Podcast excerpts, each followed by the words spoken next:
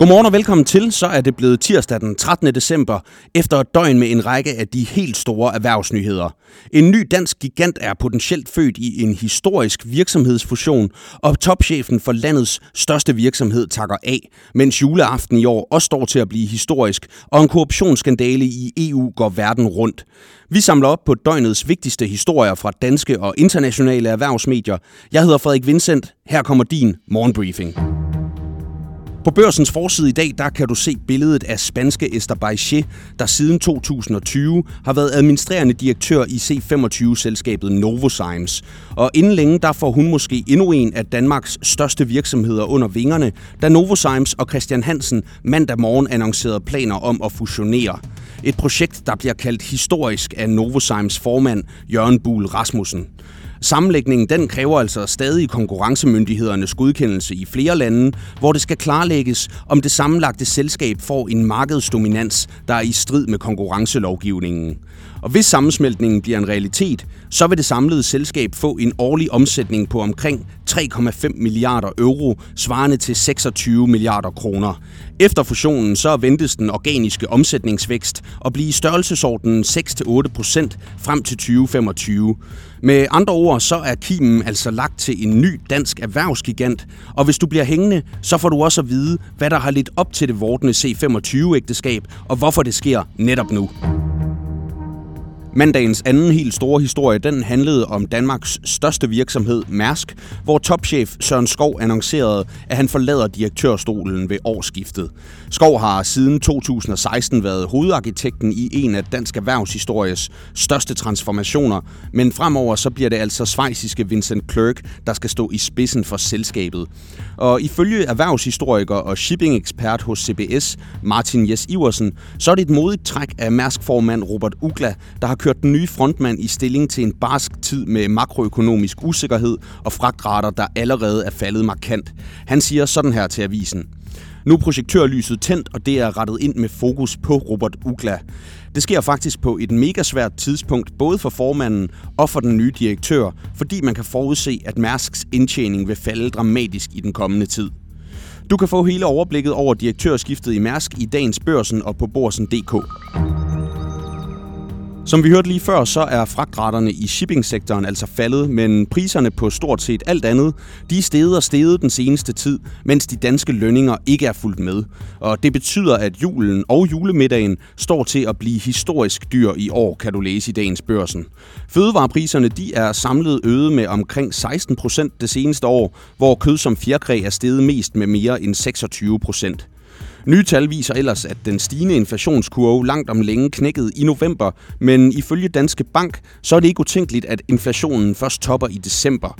Særligt fordi elpriserne er stukket af i årets første vintermåned, fortæller bankens cheføkonom Las Olsen til avisen.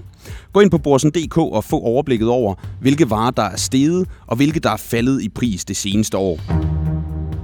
Uden for C25, der var der også en anden stor overtagelseshistorie mandag.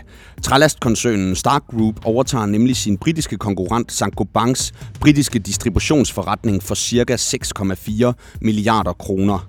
Handelen den omfatter 600 forretninger og distributionscentre, og den er et led i Starks opkøbsstrategi, der på halvandet år har resulteret i 18 virksomhedshandler, der har hævet koncernens omsætning med omkring 30 milliarder kroner til hvad der forventes at blive 67 milliarder kroner i det næste regnskabsår. Og ifølge administrerende direktør i Stark Group, Søren P. Olesen, så er der store muligheder i det britiske marked, selvom mørke makroøkonomiske skyer altså lurer i horisonten. Selskabet henter ca. 70% af sit salg gennem renoveringer, som der er stort behov for i landet, der samtidig forventer en signifikant befolkningstilvækst frem mod 2027, fortæller direktøren. Få hele historien om Starks britiske opkøb og vækstplanerne i dagens børsen. Og så fortsætter korruptionsskandalen med Europaparlamentet og Katar i hovedrollerne med at vokse, skriver Financial Times.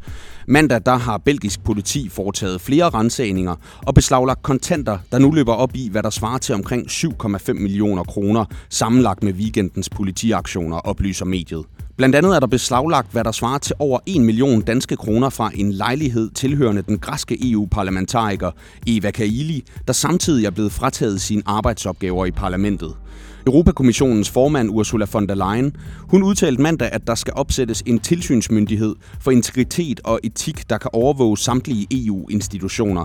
Og hun kalder samtidig beskyldningerne om, at Katar har forsøgt at købe sig til indflydelse i EU for dybt foruroligende. Det står der altså hos Financial Times. Og mens priserne altså stiger rigtig mange andre steder i samfundet, så er de svenske huspriser i øjeblikket i frit fald, og det står til at sende Nordens største økonomi ud i en voldsom nedtur, skriver erhvervsmediet Bloomberg. Landet risikerer at ramme den mest alvorlige recession af alle EU's medlemslande, vurderer flere økonomer over for mediet, efter at svenske boliger er faldet med helt op mod 15 procent i år. Det er den skyhøje inflation samt en række renteforhøjelser fra den svenske centralbank, der nu skaber frygt for, at forbruget i landet helt bremser op. Andre lande de kæmper med lignende udfordringer på boligmarkederne, men der er en overordentlig stor del af svenskerne, som ikke har fastforrentet lån på deres boliger, og derfor er landet særligt sårbart over for ændringer i de økonomiske udsigter, fortæller økonom i Swedbank Maria Valin Fredholm til Bloomberg. En vigtig uge for de amerikanske aktier er begyndt, og den startede mandag med solide stigninger, selvom renterne også kravlede opad. En potentielt meget optimistisk melding fra handlerne i investeringsbanken JP Morgan Chase, den var også med til at skabe positiv stemning på markedet, og det brede S&P 500-indeks, det vandt frem med 1,4 procent, mens Dow Jones steg hele 1,6 procent, og Nasdaq voksede 1,3 procent. Herhjemme der faldt C25-indekset 0,93 procent mandag, hvor Novozymes trak hårdt ned med 15,22 procent, og Christian Hansen skød modsat i vejret med et plus på 17,6 procent efter de annoncerede fusionsplaner. Få detaljerne på Borsen.dk Investor. Og vi bliver hos Christian Hansen og Novozymes lidt endnu. De to virksomheder de har altså søgt om lov til at smelte sammen i én koncern, hvilket vil ende ud i en regulær erhvervskæmpe, da de to foretagender hver for sig allerede figurerer blandt de 25 største danske selskaber. Og jeg har bedt børsens virksomhedsredaktør Jesper Kongskov sætte et par ord på, hvor markant betydning nyheden har for dansk erhvervsliv. Jamen, det er en kæmpestor nyhed. Det er øh, dansk erhvervshistorie øh, på, på allerøverste hylde. Øh, to meget, meget store selskaber, øh, som er øh, markedsledende i hver deres niche, som nu øh, øh, har fremlagt planer om at gå sammen.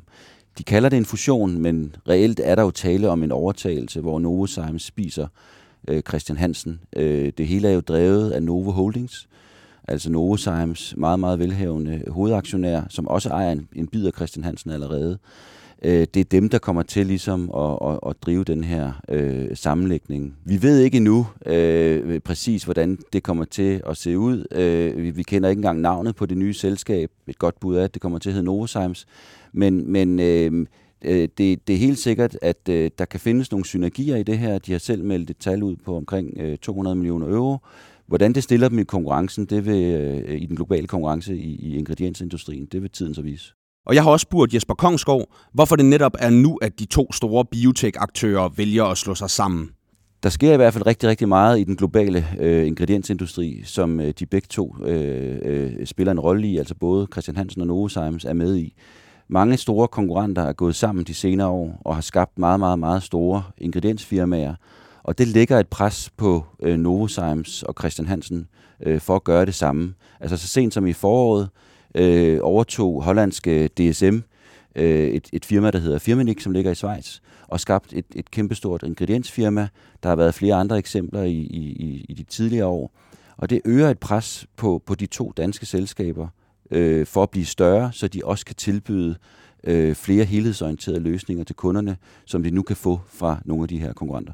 Og det sagde altså børsens virksomhedsredaktør Jesper Kongskov. Det var morgenbriefing for i dag, og altså opsamlingen på, hvad der står til at kunne blive en historisk dag for dansk erhvervsliv. Der er en ny portion erhvervsnyheder klar til dig i morgen onsdag. Indtil da, så håber jeg, at du selv får en historisk god tirsdag.